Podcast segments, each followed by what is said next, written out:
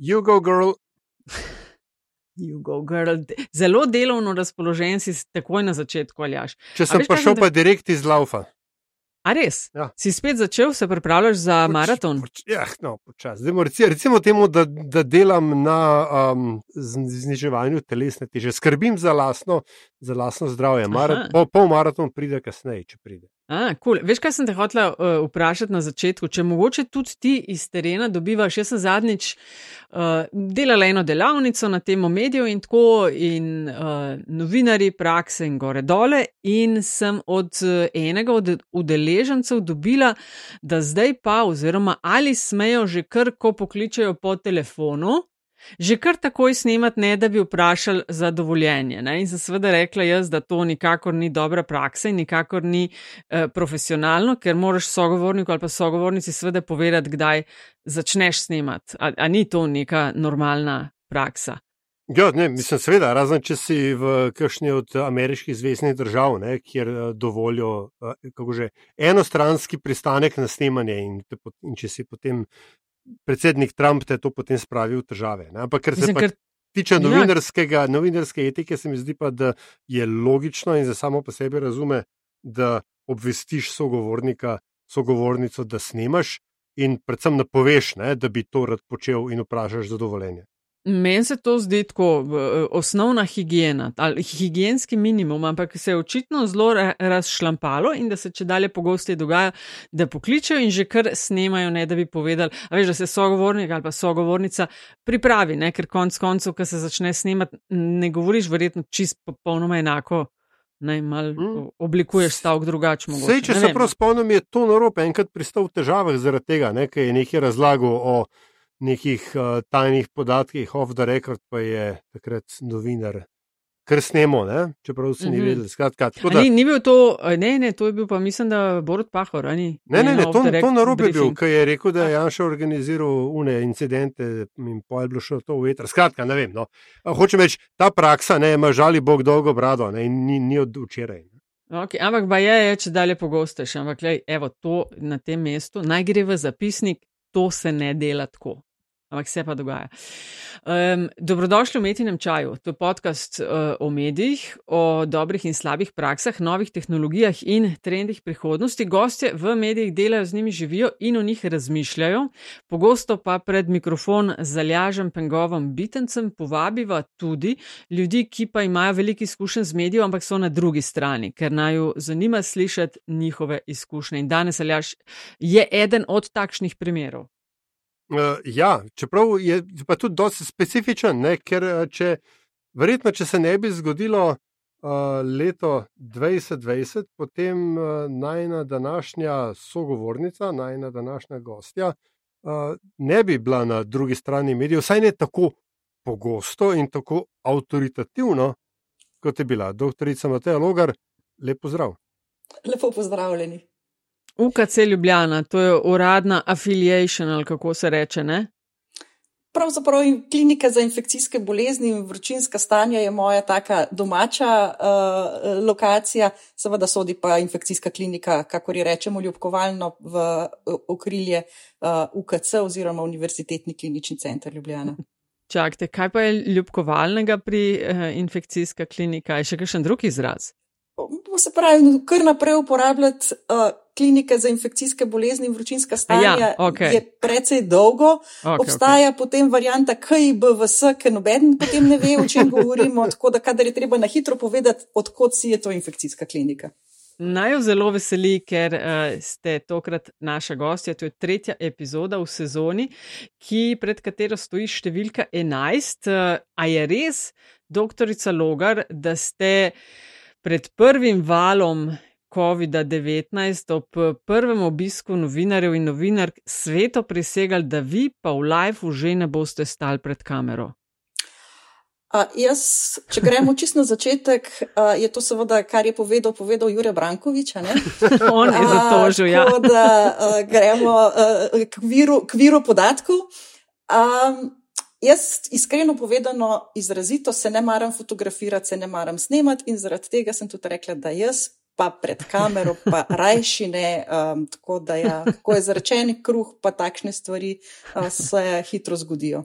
No, ampak kje smo danes? No, met in čaj zalažem vedno začneva na enak način in sicer, da gosta oziroma gostjo pobarava, da nam in ki poslušajo eh, podcast in mogoče niso čist na tekočen z vašo kariero, da se sam mal predstavite, eh, da poveste, kako se je vse skupaj začelo, da ste danes, kjer ste. Izvolite. Ja, jaz sem po izvoru čisto krna štajerka, sicer ta pravi štajerci pravijo, da celjani nismo čisto štajerci, ampak jaz še vedno pravim, da sem štajerka. Ki živi v Ljubljani od uh, univerzitetnih časov. Uh, razloga za to, da sem ostala v Ljubljani, sta pravzaprav dva. Ena je to, da sem si želela delati infektologijo. Uh, in v Ljubljani je seveda infektologija nekje vodilna v slovenskem okolju. Uh, drug razlog je pa, da je moj mož z jesenic in nekje na sredi med uh, celjem in jesenicami bile, je bila Ljubljana in tako smo ostala pravzaprav uh, oba po študiju v uh, Ljubljani. Medicina. Uh, Je se pojavila ne kot neka strašna, uh, obsesivna želja, ampak kot ena izmed možnosti, kaj si v življenju uh, želim početi, uh, ker se je vse skupaj uh, lepo poklopilo z sprejemnimi izpiti, sem potem seveda s študijem nadaljevala in že nekje. Uh, v času študija uh, so bile infekcijske bolezni tiste, ki so se mi zdele, da s tem se pa jaz želim uh, ukvarjati celo svojo poklicno kariero. Uh, Zakaj temu tako? Zaradi tega, ker me veseli, da se lahko ukvarjam s celim človekom, da nisem tukaj vezana samo na en segment, samo na en organ, samo na eno področje. Pri infektologiji imamo seveda to možnost, da človeka obravnavamo v celoti. Bom rekla, tukaj smo zelo napredni, še predtem se je pojavila ideja holistične obravnave, cel, celostne obravnave smo infektologi vedno obravnavali celega človeka, tako da tukaj smo definitivno pred ostalimi specialnostmi. Za infektologe tudi velja, da smo nekako radovedni, da eh, radi potujemo, da smo tam, odkuder uh, ostali bežijo, se pravi, ko se nekje začne neki zbruh, uh, bodo vsi se umaknili iz tega, infektologi in epidemiologi pa bomo uh, šli na takšno področje. Uh, in pa seveda, kar je še tudi uh, infektologija, je veda, ki se stalno spreminja. Ne? Se pravi, nekaj, kar je veljalo pred 50 leti, je dan danes uh, lahko že predvsej zgodovinsko, tako da moraš biti vse čas v stiku z dogajanjem in se temu prilagajati. Um, kar se tiče potem nadaljevanja na infekcijski kliniki, sem se najprej ukvarjala z boleznimi, ki jih prenašajo klopi, pa sem potem nekako bolj presedlala na okužbe um, krvi, uh, se pravi sepsa, septični šok, endokarditisi, uh, in s tem povezano pridajo potem tudi nadzorovana raba protimikrobnih zdravil. S COVID-om smo se pa pač začeli ukvarjati vsi, ker se je bilo treba ukvarjati z njim. In ker je pri nas, tako kot ste na začetku omenili, ne, da pred kamero pa že ne, to pri nas pomeni, da ko se pojavijo novinari, naenkrat ni nobenega osebja na hodniku, smo si potem malce razdelili vloge nastopanja in ena stvar je potem vodila do druge in tretje. No, zdaj, seveda, moramo vprašati, ne, um, tako zelo pogrošno vprašanje, ampak ali je zdaj epidemija mimo? Ja, zdaj, če govorimo o uradni epidemiji, se pravi, s tem, da bi to obolevanje ljudi bilo zelo množično in vplivalo na uh, dogajanje v družbi, zaradi tega, ker to ljudi zboli, ker jih to gre v bolnico in to, ko umre, tega je seveda konec. Ni pa konec tega, da, COVID, da bi COVID pa popolnoma izginil, to pa daleč od tega. Je pa bolj na ravni zdaj a, posameznih manjših ali večjih izbruhov, odvisno koliko se ukvarjamo s tem in kakšne imamo kapacitete v bolnišnicah. Od tega je pa potem seveda tudi odvisno, kakšni so nekje priporočila, ukrepi in a, vse ostalo nekje kjer si bodo želeli, da bodo imeli čim manj bolnikov v bolnišnicah, bodo veliko delali na preventivi, nekje, kjer imajo zadosti eh, postelj v bolnišnicah, eh, se bodo mogoče ravnali mal manj eh, preventivno. Se pravi, vsaka država je zdaj prepuščena nekje sama sebi. Sej, mogoče do COVID-a še pridemo, oziroma verjetno do COVID-a še pridemo, um, tudi bolj konkretno, ampak mogoče um, vendarle ne, nazaj na, na vašo kariero. Um, tako zelo srednješolsko, ne? ampak uh, ko nas so v šoli učili, da je bil uh, svet nekoč uh, grd, krut in življenje mrzlo in kratko, potem so prišla cepiva, uh, potem se je poceplo celo takrat Jugoslavijo in znotraj Slovenijo, in potem so se, uh, se spustila nebeška mana.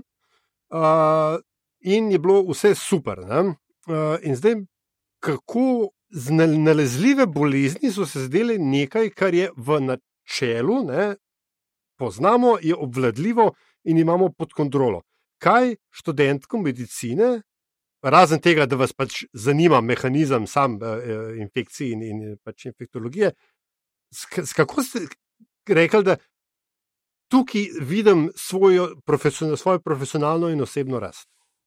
A, ja, zaradi tega, ker se mi je zdelo, da gled, če malo pogledaš, ne, kaj se dogaja z mikrobi, kako so se sposobni prilagoditi, kako so.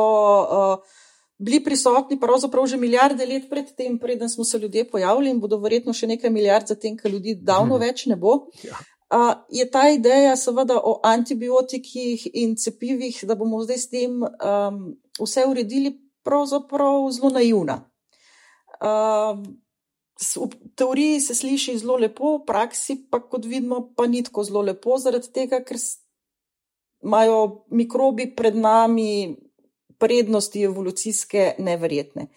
Uh, kot sem že rekla, predvsem mi je bilo to, da je to nekaj, kar je strašno dinamično, ne? da ni nekaj, kar bo za veko v veke enako, ampak se je že na faksu govorilo o tem, da se pojavljajo vse čas nove bolezni, da se bodo pa pojavljale nove bolezni, da spremembo um, same klime, da se bodo bolezni, ki so uh, prisotne zdaj omejeno na tropsko področje, da se bodo širile, da uh, so stvari, ki so trenutno omejene na Afriko, možne v naslednjih 20-30 letih, da jih bomo videli tudi v Evropi. Se pravi, že takrat, ko sem bila na faksu, je bilo strani profesorjev predstavljeno to kot tako dinamično področje in to je bilo nekaj, kar mi je bilo res blizu. Če grem še čist na začetek, da si lažje predstavljamo, mi zdaj to snemamo sreda, malo po opoldne, ste v službi?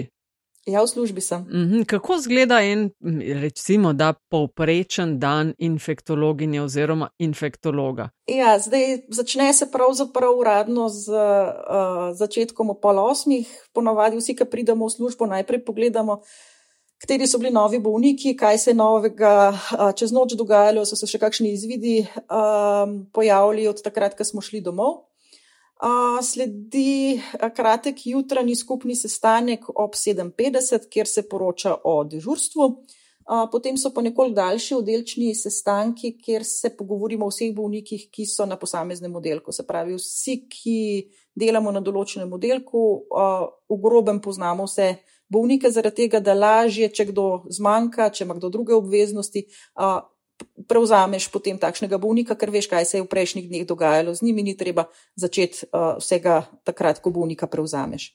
Uh, potem pa odvisno, če si na oddelku, uh, greš seveda na vizito, urediš terapijo, predvidiš preiskave za naslednje dni. Nekje do 12. se potem zberejo dnevni izvidi, predvsem laboratorijskih preiskav, tako da urediš še stvari, ki so ostale odprte, po domače rečeno. V mestnem času konzultiraš še ostale specialiste, ki jih morda pri obravnavi za svojega bolnika potrebuješ, in nekje okrog, dvan, okrog 14, 14-30 so stvari v glavnem tako pripravljene, da predaš, v bistvu narediš predajo za dežurnega zdravnika.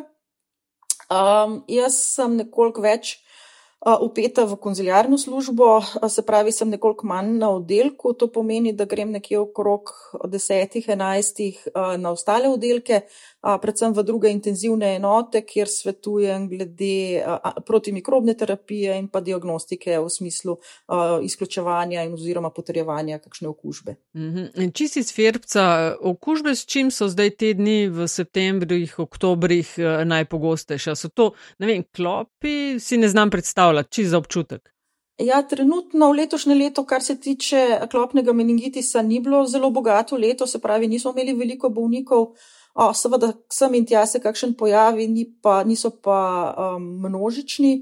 Mm, zdaj le so bili predvsem pri mladostnikih v ospredju okužbe z mikoplazmami. Uh, sicer pa. Kaj je to mikroplazma? Mikopl mikoplazma je bakterija, ki je zelo, zelo mehna, ne raste na normalnih uh, bakterijskih gojiščih, uh, povzroča pa okužbe dihal. Pri večini povzroča bolj bronhitis, uh, pri ne manjšem odstotku lahko povzroča pa uh, pljučnico. Američani imajo tak lep izraz za mikoplazmsko pljučnico in to je walking pneumonija. To pomeni, da nisi tako bolan, da bi doma ležal v posli, ampak hodiš tri tedne naokrog, se slabo počutiš in kašlaš. Uh, potem pa obupaš, greš do zdravnika in ugotovijo, da imaš pljučnico. Uh, tako da uh, ni tako huda kot klasična bakterijska pljučnica, je pa zoprna na vsak način, ker traja, preden se posumi, da to obstaja, oziroma da imaš to okužbo. Tako da tega je bilo kar nekaj, potem so bile pa te klasične uh, virusne okužbe, ki jih videvamo, se pravi okužbe predvsem z rinovirusi, to so te povzročitelji prehlada. Uh, imamo pa tudi leto že prve primere gripe. Aha, se je že začel. No, ker ste že omenili gripo. Če sem jaz prav zasledila s poročanjem v medijih, se obeta ali pa štartate predvidoma v oktobru, mislim, štartate zdaj, uh, imam vas kot osrednjo figuro, ki zastopa UKC zdravstvo v Sloveniji, da uh, štartate s cepljenjem tako s posodobljenim cepivom zopr COVID kot gripo, ali gre za kombinacijo tega?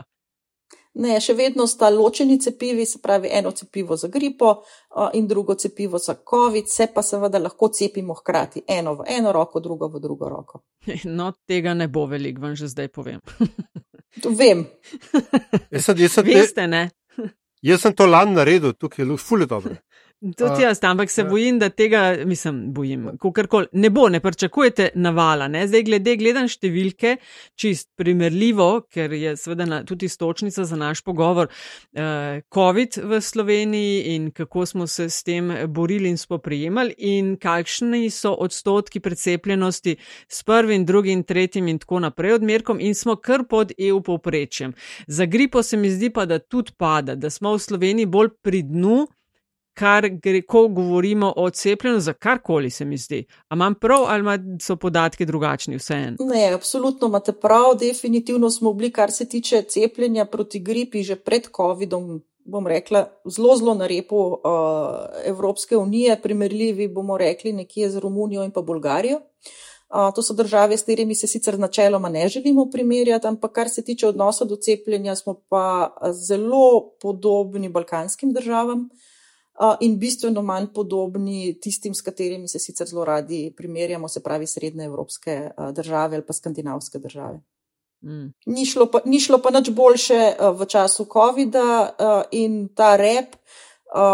Post-COVID-ni, kar se tiče cepljenja, se kaže ne samo pri gripi, nažalost tudi a, pri cepljenju otrok proti a, nalezljivim boleznim, kjer smo bili dolgo časa kar, a, kar dobri, se pa zdaj po poročilih pediatrov zelo večji odstotek um, necepljenih otrok. Kar nas seveda pripelje do um, drugega kaj, sklopa našega pogovora, ne, uh, mediji in razumevanje uh, to, klinične slike naroda. Ne, uh, sem, uh -huh. um, jaz se, uh, se, se, ko, se mi zdi, da je COVID je samo v vsej svoji brutalnosti prikazal zgodbo, ki, ki je že dolgo časa tlela, ne tako zelo pod površjem. Tisti, ki smo imeli otroke tam v glih na začetku, tako 20, 2011, tako dalje, smo bili um, priča dosti težkim debatam o smiselnosti cepljenja. In potem prvim izbruhom ošpic, um, pa vem, da je bilo debate, so bile o tem, bili so izbruhi ošpic v Italiji, pa se kar nekaj začeli pojavljati spet v Sloveniji. Uh, po razno raznih uh, medijih, ki se takrat še niso, niso bili dnevni, ampak razne priloge dnevnega časopisa in tako dalje, so furale intervjuje z kobajagi, znanstveniki z skrajno sumljive provenience. Um, koliko časa se je ta odnos, ki mu ne moremo reči skepticizem, ne? ker skepticizem uh, implicira neko um, na, na dejstvih utemeljeno skepso, ne? ampak zavračanje, praznoverje, če hočete. Ne? To praznoverje do, do, do cepiv in do moderne medicine, koliko časa se to v Sloveniji kuha? Ja, jaz bi rekel, da se je to začelo nekje s prehodom v tam 1995, 95 in kasneje. Ne? Se pravi, z, uh, če tako grobo rečemo, s tem, ko smo postali samostojni. Uh, takrat prva leta morda ne, potem pa z vsakim letom več tega uh, skepticizma, manj zaupanja v znanost in več zaupanja v, uh, bomo rekli, to, kar sem slišal od prijateljev. Uh, še dodatno se je pa to okrepilo, seveda, s večjo dostopnostjo do, preko interneta, ne? se pravi, do, dostopnost do informacij, ki niso preverjene uh, in uh, imajo lahko v ne, v, z nepravo interpretacijo uh, kar hude posledice. Eno vprašanje mi je še padlo na pamet, ker se mi zdi, ko smo že malo menjamo tudi COVID in tisti dve leti, ki se zdi ta danska, se kakšnih dogodkov spominjaš, kar pozabiš, te dve leti, kada bi ne vem, jih na nek način ne bilo. Ne? A ja, se res, dve leti sta bili vmes, ko smo mal doma bili, pa je vse bilo malo v hibernaciji in tako dalje. Ampak ena stvar, ki se pa je v tistih dneh, sploh prvo leto, pojavljala, pa je bila ta neka, se mi zdi, vsem solidarnost, eh, sodelovanje skupaj. A je to v tistih časih ta nek bonding? Tudi med vami, zdravniki in zdravnicami, ki, se, ki ste se s tem ukvarjali, je bilo čutiti tudi pri vas, ne vem, kaj posebnega, vse so bili posebni časi, ampak ne vem, a je bilo kaj. Um, zdaj čistko ne. Uh, pri nas je šlo iz tistega pričakovanja prvega primera, ker smo vsi čakali, kdaj zdaj bo, pa smo vsi komaj čakali, da bo, zato da nehamo pričakovati, pa da začnemo se pa s tem ukvarjati. Uh, v strah, kako bo šlo naprej, sploh ker je bil Bergamo sorazmerno blizu. Uh -huh.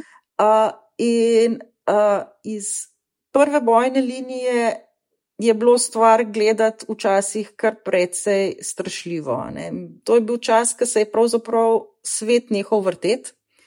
Uh, kar si imel, si imel, in drugih stvari nisi mogel dobiti. Ne? Tukaj um, je bilo v določenih trenutkih kar zaskrbljujoče in strašljivo, ker klinični center, kot edini, ki je v tistem trenutku zdravo bolnike s COVID-om, smo imeli za zaščito zdravstvenih delavcev te osebne varovalne opreme za 14 dni do 3 tedne.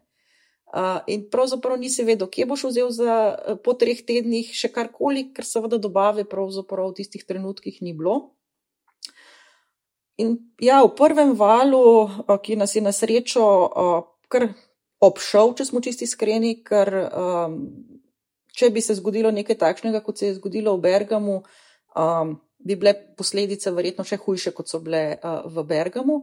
In v tistem času je bila prisotna neizmerna solidarnost, tako uh, znotraj kliničnega centra, uh, kot vseh ljudi, ki so na kakršen koli način bili v stiku z nami, kot do kogarkoli. Ne? To so bili tisti časi, ko so nas gasilci pozdravljali, pa ko so uh, pošiljali zdravstvenim delavcem uh, malce. Uh, ja. Potem v drugem valu.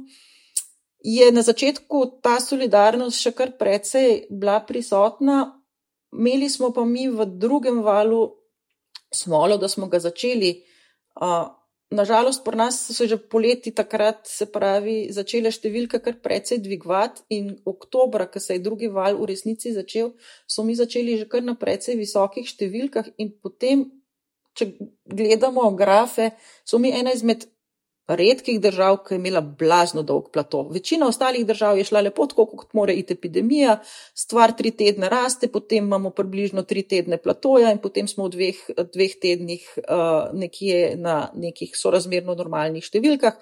Pri nas je bil plato od konca oktobra do konca marca. Ne? Seveda, to je dolgo obdobje z vsemi ukrepi, ki so bili, uh, je se je začela ta. Um, negativno, negativnost v splošni populaciji bistveno bolj uh, izražati in s tem tudi bistveno manjša solidarnost, bistveno manjše razumevanje vsega skupaj. Um, tako da ja. A ste vi uh, bili okuženi s COVID-om? Uh, jaz sem bila uh, okužena zelo, zelo pozno, uh, v bistvu, ko je bila že različica omikrona. Um, in pravzaprav nisem imela nobene klinične slike. Če ne bi delala, uh, kar delam in sem se hodila testirati, ker so bili pač uh, doma pozitivni, Uh, jaz nikakor ne bi rekla, da sem zbolela, bila sem pa okužena. Ja. Mm -hmm. Aljaš vas je že vprašal malo po razlogih, zakaj ta porast skepticizma oziroma kdaj se je začel za glede cepljenja na splošno. Ne? Kakšno vlogo se vam zdi, da v tem kontekstu tudi COVID-a, seveda zadnjih let, so pa po vašem mnenju igrali mediji? Se pravi, na to, da so ljudje po, prvih, po prvem valu, ki je bil, vem, marc, april 2020, in se je to začel, ta skepticizem začel dvigovati.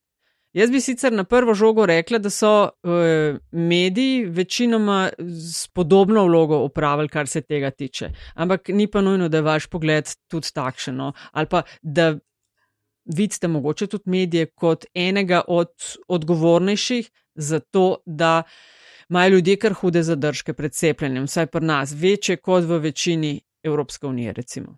Uh, ja, jaz bom rekla, odnosi z mediji in odnosi medijev do COVID-a so bili zelo, zelo dobri, nekje se pravi v tem prvem valu, uh, začetek drugega vala, do takrat, ko smo končno dobili cepiva.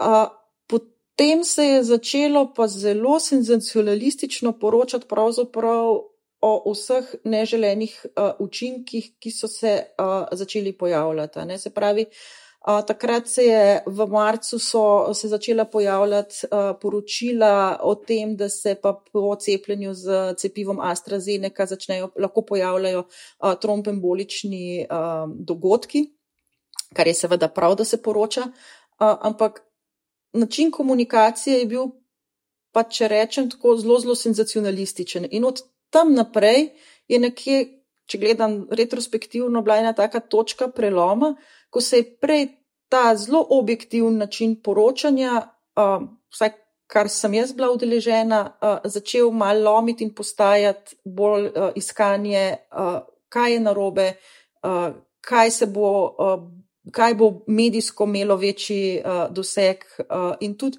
tukaj se je potem uravno, uravnoteženost debate uh, zelo, zelo lomila. Ne. Debate o cepljenju uh, so bile uh, en strokovnjak iz medicine, nekdo, uh, ki še se nekje ukvarja z nekimi predkliničnimi stvarmi, pa pet ljudi, ki so proti, brez strokovnega argumenta. Ne? Se pravi, ki imajo neko osebno izkušnjo, uh -huh. uh, ki so v združenju proti cepljenju. Tako da ta del je bil potem pa bolj problematičen. Ja, se, Nataša, če lahko sem mm. to skočil, eden od prvih metenih čajev, se pravi, pred več kot desetletjem se je točno s tem ukvarjal, s tem vprašanjem, kako imaš na eni strani v nekem TV Tako. soočenju ja. epidemiologa, virologa, na drugi strani pa ne vem, elektroinženirja, ne, da nam zdaj koga užalu.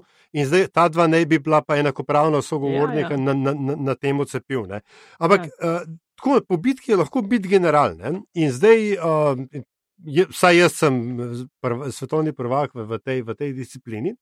Uh, in se mi zdi, da, je, da so bile prve reakcije pri ocenjevanju pojava COVID bolj natančne, ali pa bolj natančne, bolj on the mark, v tem smislu, da so bile bolj pravilne kot neke kasnejše izpeljave. Ne? Ker uh, ravno ko se je Bergamo pojavil, no, so bile že prve špekulacije, a gre za uh, uh, pravi, aerosolno, aerosolni prenos uh, in tako dalje, kar se pa potem uh, mogoče tudi zaradi. Um, Z tega medijskega senzacionalizma, ki ste ga, ki ste ga ravno kar omenili, je kar nekako poniknil, ne? ker je potem prišla pa tista, kvazi, mislim, tista raziskava, uh, da je kaj že, da se stvar prenaša preko površin. Uh, in, in zdaj, um, tukaj se mi zdi, da so veliko škodo naredili tiste medije, ki so odkrili, kot se temu reče, pre-publish ali pre-print serverja. Koliko zelo, ja. kolik zelo je medijsko nerazumevanje znanstvene metode, znanstvenega poteka raziskav pripomoglo k vsemu temu, ne pač uh, klimi, ki se je ustvarila okoli COVID-a. In... Uh bila je specifična situacija za vse, ne? in vsi smo si želeli imeti informacije. Te, ki smo bili neposredno upleteni v zdravljenje, to je bilo v bistvu za nas nekaj groznega, če tako rečem, ker nisi vedel nič o bolezni, oziroma minimalno. In kaj zdaj vzeti v roke, ne? kako zdraviti? a boš, če boš dal to, a boš koristil, a boš škodil. Se pravi, nismo v prvih mesecih, smo vsi hlepeli po informacijah in zaradi tega so začele vse revije, tudi blazne ugledne revije, recimo kot je New England Journal of Medicine ali pa Lancet, objavljati vse, kar je k njim prišlo. Se pravi, ali je bilo to kvalitetno ali ni bilo kvalitetno, samo da je bil podatek. Veliko tega nikoli ni bilo objavljenega, oziroma je bilo ocenjeno kot nesprejemljive informacije, ampak tako kot vidva, še mogoče bolj kot mi vemo, je to, kar je enkrat objavljeno na spletu, je zavedno na spletu. In uh, seveda, vsi ostali so pa ravno tako uh, si želeli informacij, dobiti neko uh, gotovost, da ni tako hudo, kot se zdi, oziroma neko napoved, kako se bodo stvari uh, razvijale. In tudi v kliničnem centru je bila zelo zanimiva situacija. Medtem ko smo bili predvsem infektologi zaposleni uh, z bolniki, so imeli zdravniki ostalih specialnosti, ker seveda ni bilo planskega dela, ni bilo toliko operacij, ni bilo planskih sprejemov, nekoliko več časa in so v tistem času prebrali bistveno več člankov na temo COVID-a, kot smo jih prebrali infektologi. Uh, in seveda je bilo treba potem včasih kakšno stvar kar dolgo časa zagovarjati in spravljati v, uh, v pravo perspektivo. Uh, ker, ker je bila razlaga napačna. Ne? Se pravi, uh, pri nas se je zataknilo z razlikovanjem med aerosolnim širjenjem in aerogenim širjenjem. Ne? Tako da tukaj smo imeli že v kliničnem centru nekaj težav, tako da seveda te težave so bile pa z razumevanjem nekaterih znanstvenih podatkov v splošni populaciji pa še toliko večje. Naenkrat smo vsi postali strokovnjaki za regulativo, kako poteka uh, registracija novega zdravila, novega, novega cepiva. Uh, jaz priznam, jaz sem šla dobesedno pogledat, kaj pomenijo posamezni pojmi, ker tega pač nisem poznala in nisem vedela. In sem šla pač pogledat, kaj pomeni to, da dobi neko zdravilo začasno dovoljenje za uporabo. Tako da smo se vsi učili, so bile pa na ta način, seveda, pa določene informacije zlorabljene oziroma narobe uh, interpretirane. Mm, od tistega, ko ste rekli, da v življenju ne boste nekako pred kamero stali, ste po sili razmer stali tako rekoč vsak dan, večkrat na dan, verjetno pred kamero. E, kaj je bilo v tem učnem, ker vseeno je šlo tudi v tem pogledu za en učni proces, kaj so bili uh, največji izzivi, kaj vam je bilo najtežje, najlažje premagati, uh, ne vem. Najtežje mi je bilo, uh, kam dati roke. um, zdaj, jaz sem vedno izhajala nekje iz pozicije, da pač strokovno stvari vem, uh, da je treba dati informacijo na takšen način, da jo ljudje uh, čim bolj razumejo. Uh, Ampak smo zdravnike in zdravnice v kakšni fazi vašega izobraževanja? Učijo, izobražujejo, kako povedati, da bo splošna javnost razumela, ali pa kako komunicirati z mediji, pred mediji, pred kamero in tako dalje, ali je to bilo pač uh, learning on the job. Ja, to je bilo, vrži, vržemo človeka v vodo Aha. in ga vidimo, če zna plavati. Ne? Um, ne, drugače, neke komunikacije je v času učenja komunikacije, predvsem podajanje slabe informacije, to je nekaj, kar se učimo na fakulteti, nekaj se naučiš potem, seveda, z leti, ko komuniciraš z bolniki, ko komuniciraš z njihovimi svojci. Jaz sem bila, na, ne na, bom rekla, ne na izobraževanju iz komunikacije, bila sem na enih krajših tečajih o tem, kako predstavljaš članek, kako narediš predavanje. Uh mhm. -huh tako da prav o komunikaciji, kako bi morala nastopati, kako se pogovarjati z mediji, uh, pa nisem imela nobene dodatne informacije oziroma predhodne izobrazbe, mm. tako da sem se sproti. Kako ste se pa spoprijemali s tem, ker ste seveda kar naenkrat uh, bili zelo velik po medijih in uh, na televiziji, seveda ljudje predvidevam so vas prepoznavali.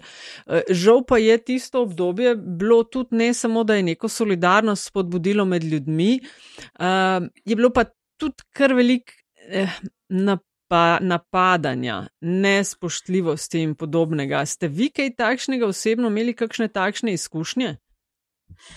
Um, večina izkušenj je bila pravzaprav ob vsakodnevnih stikih zelo, zelo pozitivnih. Tako da jaz lahko v resnici na prste ene roke uh, naštejem take res uh, negativne um, dogodke. Tako da bom rekla na splošno, bistveno več pozitivnega kot negativnega. Mm. A je um, po vsem tem, je bil kakšen, ali pa ste imeli čas, tako, no, bom rekel, ste imeli čas narediti kakšen. Um, V, v vojaških strukturah temu rečejo debriefing, ne, se pravi, analizo, potegniti lekcije, uh, mogoče se v smislu komunikacije ali narediti kakšen komunikacijski načrt za prihodnič. A sem imel sploh čas se ustaviti in premisliti, kaj se je dogajalo v zadnjih dveh letih, ker um, virusi ne, oni se ne ustavljajo, gripa je sezonska, tale RSV se je spet vedno, vedno več o, o njem govori, se neka cepiva razvijajo in, in, in, in tako dalje. Ste imeli čas se ustaviti in reči, wow, kaj se je pa ravno kar zgodilo? Uh, ravno prejšnji teden je bil uh, en tak sestanek, uh, sicer bolj so sodelovali epidemiologi, jaz sem bila povabljena zraven, uh, sodelovali so tudi iz uh, Evropskega CDC-ja, kjer se je naredil en takle briefing. Uh, zajeta tudi uh, komunikacija. Uh, tako da ja, je bilo zanimivo, pa predvsem tako, kot ste že prej rekla, ne, uh, določeni stvari, ki si jih pravzaprav čist pozabili, da so se takrat dogajale, smo se ponovno spomnili, jih nekako predebatirali. Tako da ja, v kliničnem centru sicer tega nismo naredili, tole se je zdaj, no, se pravi, strani Evropskega CDC-ja naredilo. Na kliniki smo predebatirali stvari. Je pa res tudi to, da kar so povedali že številni epidemiologi po svetu, ko bo prišla naslednja epidemija, ne bo niti slučajno podobna tej in se bomo spet na novo učili, kako in kaj je smiselno, kako in kaj uh, se odločati, uh, da narediš najboljše v tistem trenutku z informacijami, ki jih imaš. Ampak bo pa že malo več izkušen tudi, kar se tiče nastopanja v medijih. Jaz, če, sem, če Google ne laže, ste se vi marca 2020 pridružili Twitterju, ampak leto in pol kasneje pa odnehali. uh, Twitter, Twitter oziroma X račun še vedno obstaja. Ja. in uh, Velikrat me, zas, mislim, si rečem, bi bilo pa dobro, da bi mogoče začela uh, čist sistematično um, se oglašati in ozaveščati širšo javnost o problemu protimikrobne odpornosti. A, sem mislila, da je zadej kaj, da smo nehali, ker je pa čist preveč preh, prehudobno in napadi in toksična komunikacija, da ste rekli, dost imam. Ne, v tistem trenutku se mi je zdelo to, kar ste rekli, da uh, je, uh, mi vzame preveč energije se ja, ukvarjati z, z, z vsemi, ki so proti in morajo to na glas povedati, uh, ker tisti, ki so za, so pač tiho ne, in se s tem strinjajo. Uh, tako da se mi je zdelo, da v tistem trenutku nimam kaj dost na Twitterju uh, zapovedati, oziroma uh, da je boljše, če uh, ne izpostavljam stvari, za katere sem prepričana, da so prav. Uh, pa jih ne bom mogla spremeniti, tudi če jih uh, na glas uh, objavljam. Um, Ja, je pa ideja o tem, da bi si vzela nekaj časa in se mogoč, mogoče sistematično lotila tega vzorja. Ja, gor tudi piše, je v opisu napisano, pa boste vi povedali, če, če je zanimivo zapovedati. Gor piše pač z veseljem grem na kakšno potovanje, preberem dobro knjigo in v zadnjem času poskušam spet pridno nabirati kilometre z gorskim kolesom. Vi ste pa sred epidemije imeli eno epizodo z gorskim kolesom, če se ne motim. Uh, zdaj pa boste vi povedali, a je za javnost, kaj vam je šefica Lejko takrat rekla? Oh, to sem pa pozabila, če sem popolnoma iskrena. da ste sred epidemije padli z gorskim kolesom, ste bili celi potovčeni? A ne, to je bilo pa prej, to je bilo pa bistveno, bistveno prej. Aha. Uh, to je bilo pa pred. Uh, enim uh, dežurstvom, uh, ki je bila ona dežurna, in sem jaz prišla potem uh, njo zamenjati. Uh, tako da, ja, tak, to je bilo pa če pred epidemijo COVID-a. Drugače pa, kar se tiče uh, kolesarjenja in COVID-a, uh, je bil pa to moj tak uh, resnično odklop. Um, sploh prvi, drugi val, ki je se, se je dalo, in se pravi, pri prvem valu je bilo nas pomlad, so bili dnevi daljši, tako da, ker sem jaz uspela priti službe, je bilo takoj, sem šla potem uh, na kolo in na, vsaj na golovc, uh, ki ga imam pr, v bistvu čist pred uh, hišo. V drugem valu, pa tudi, če dokler je le se dalo, da je bilo še dosti svetlo, je bilo tistih 45 minut, ena ura v resnici takega popolnega odklopa. Ja, si mislim, ker meni se je zelo zabavno zdelo, to je pač do mene prišlo, da vam je rekla, da med epidemijo ni čas, ko bi infektologi padali s koles. ja, to je bilo enkrat vmes v lučice pravim tega, da je vedela, da sem padla. Ja. Tak, um, za mentalno zdravje Nojno. je bilo pa to zelo, zelo koristno. Ha, zdaj ste ne, neprečakovano odprli uh, še eno temo. Pos, epidemija ima posledice tudi na uh, duševnem zdravju. Nekaj se je govorilo o duševnem zdravju mladostnikov, potem imamo tukaj pacijente z dolgim COVID-om, uh, ki je sploh premalo raziskan, in tako dalje. Ampak kaj pa duševno zdravje vas, ki ste bili kot ste prej rekli, na prvih frontnih črtah. Ste se morali tudi tu, se morali tudi tu samo organizirati?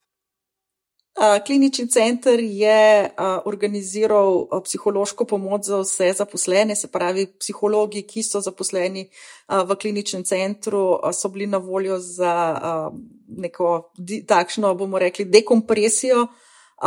Bolj kot ne, smo se pa vsak po svoje in na svoj način spopadali z pritiski, vsakodnevnimi, pa tudi s tem, da nekateri smo bili precej ločeni od družine v tem času. Ne? Tako da tukaj so bile različne stvari, ki so vsakega posameznika zadele na njemu specifičen način. Um, Ampak ja, nekako smo zvozili tudi to. Mm. E, posled, mislim, kako pa spremljate, ker če kaj pa je vedno, že kar nekaj časa na prvih straneh in prvih minutah e, medijev, dnevnikov in časopisov in televizij in tako dalje, situacija, e, kar se tiče Ministrstva za zdravje, trenutno tudi iskanje, kdo bo ministrstvo vodil. Je to nekaj, kar vi kot nekdo, ki ste na terenu, ki delate, eh, se zelo ukvarjate s tem, imate zelo našpičena ušesa, kaj bo, ali pač delate svoje in kdorkoli bo, pač bo. Um, ja, vedno je super, če imaš nekega sogovornika, eh, kateri, na katerega lahko računaš, uh, da se boš če bo potrebno, lahko zanesel, da bo zastopal tvoje interese, kar je seveda stvar ministra ne, v takšnih trenutkih. Tako da um, zdaj smo zelo srečni, da pravzaprav nimamo nekih večjih, uh, večjih težav.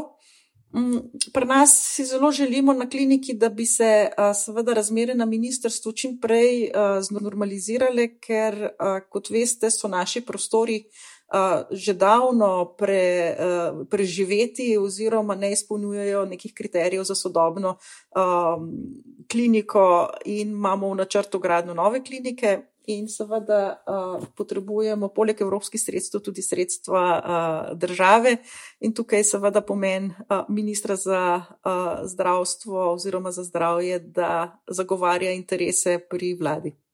Ja, to je um, Slednje lahko potrdim, ne, kot uh, anekdotičen primer. Jaz sem bil kaj pred 20, ja, skoraj 20 leti. Ste me zelo lepo zrihtali na uh, infekcijski kliniki, ko sem se na morju okužil s salmonelom. Uh, pred leti Aha. sem bil pa uh, svojim mulcem uh, tudi tam, ker je imel eno nesrečo. Uh, in, uh, uh, strokovnjaki in ljudje, in, in, in kot zdravniki, zdravnice, so zelo čudoviti, prostore bi si pa res boljše zaslužili. To, to, to pa kar navijam. A, ampak, um, če pogledamo za hipec v prihodnost, uh, gripa je sezonska, kaj nas še čaka, da veste, da nas čaka v naslednjih, ne vem, šestih mesecih? Vsi nekako govorijo zdaj v tri tridemija, ne, se pravi kombinacija COVID-a, gripe in PRSV-ja. Um, ponavadi, če gledamo na obdobje pred COVID-om, so si virusi kar precej lepo razdelili sezone. Ne, se pravi, tako le na začetku uh, sezone so se pojavljali uh, rino, pa enterovirusi, pa mečkem kasneje so se začeli potem pojavljati uh, te tako imenovani stari koronavirusi, potem je sledil RSV in ko je prišla gripa, je RSV zginil. Zdaj, ob času, po tem, ko se je pojavil COVID, so se pa te uh, razdelitve kar nekako uh, zgubile. Lani smo imeli praktično preko celega leta sezono RSV-ja. Zdaj le sicer še pediatri, noč kaj dosti ne poročajo o RSV-ju, imamo pa, kot sem že prej rekla, rinoviruse, imeli smo neki parainfluence, zdaj že zelo zgodaj tudi tele primere gripe. Število primerov COVID-a je tudi večje, tako da ja, nekako računamo, da ta zima bo kombinacija vsega trojega, se pravi um, malo mešano, pa veliko problemov z prostorom, zaradi tega, ker po eni strani z RSV-jem zbolevajo več vemo o tem pri otrocih, hkrati pa vemo, da tudi RSV pri starejših uh, poteka lahko zelo hudo in ima precej višjo smrtnost kot je smrtnost pri gripi. Jaz bi pridem gremo na zanimivost, mogoče še eno, kar se tem reče public service uh, informacijo uh, uh, poskušal zbrskati, ne od najne sogovornice Nataša. Um, gled, pač to, kar ste zdaj omenili, se pravi RSV, pa gripa, pa COVID, ki kaj zdaj v neki novi različici prehaja nazaj. Proti čemu od tega se da cepati? Za, ko, za COVID pa gripo vemo. RS, o RSV cepivu se pa tudi govorili. Ja, RSV cepivo je pa, bomo rekli, novi igralec na igrišču. Um, definitivno je zdaj cepivo, ki je registrirano za odrasle. To pomeni, da je tarčna skupina podobna kot je za COVID in gripo, se pravi, vsi, ki so starejši od 60 oziroma 65 let s pridruženimi boleznimi. Dodano pa je pa tukaj še cepljenje v nosečnosti. Uh mhm. -huh. Do pred, rečemo, desetimi leti je bilo cepljenje in nosečnost pravzaprav v istem stavku uh, skoraj prepovedano uporabiti. Uh, potem so pa pravzaprav ugotovili, da cepljenje proti uslovskemu kašlju v nosečnosti zelo dobro ščiti te res najmanjše dojenčke, ki še ne morejo biti cepljeni, in so začeli kar množično s cepljenjem v nosečnosti. Predvsem Španci, Portugalci imajo praktično skoraj 100-odstotno uh, pocepljene nosečnice, in iz tega se je potem razvila tudi, seveda, ideja, da bi se pa lahko v nosečnosti cepilo tudi proti RSV-ju, ki ravno tako ogroža te najmanjše uh, dojenčke, uh, in um, iz tega naslova kar veliko um, zanimanja, predvsem v tujini.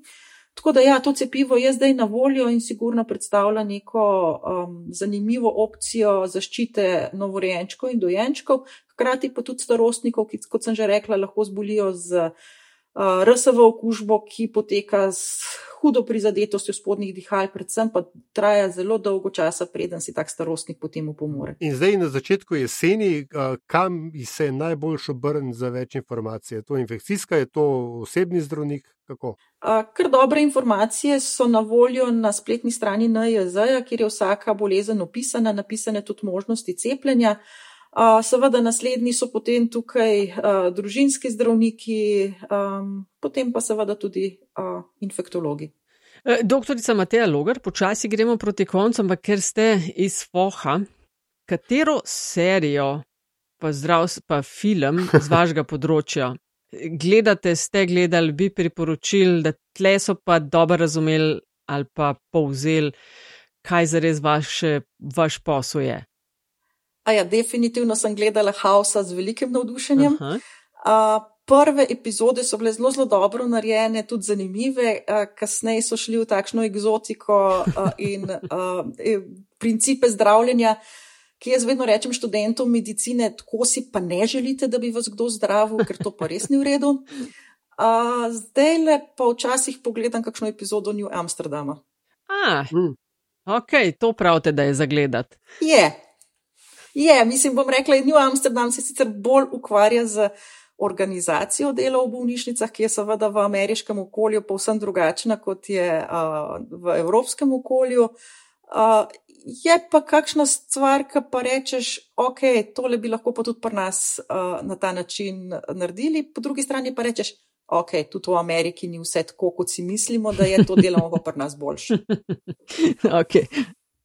Doktorica Mateja Logar, najlepša hvala za vse doslej povedano. Tradicionalno pa zalažem met in čaj končujeva z zadnjim vprašanjem, ki je enako vsem gostom in gostjam in to je, da z nami delijo eno zanimivost, ki je res lahko karkoli povezano z vami, z vašo kariero, lahko nekaj pa čist popolnoma x, ampak skratka v vsakem primeru nekaj, kar ocenite, da mogoče veliko ljudi ne ve, pa da bi jih znalo zanimati. Okay, jaz sem se odločila, da bo to informacija bolj poklicnega značaja in to je, da a, v našem telesu živi toliko bakterij, kot je naših človeških celic. To pomeni, da se vedno lahko vprašamo, kdo živi pri komu, mi pri bakterijah ali bakterije pri nas da moramo z njimi ravnati spoštljivo, ker če bomo antibiotike uporabljali pretirano, bodo te bakterije razvile odpornost in bo zdravljenje z antibiotiki postalo neuspešno, kar pomeni, da se bomo vrnili v predantibiotično ero, za katero pa vemo, da so se številne danes posebno zdravljive bolezni končale zelo tragično. Hvala lepa in tako postavljamo piko 262. epizodi podcasta Met in Čaj. Še enkrat hvala lepa, da ste bili naša gostja. Hvala za vabilo. Z veseljem, srečno.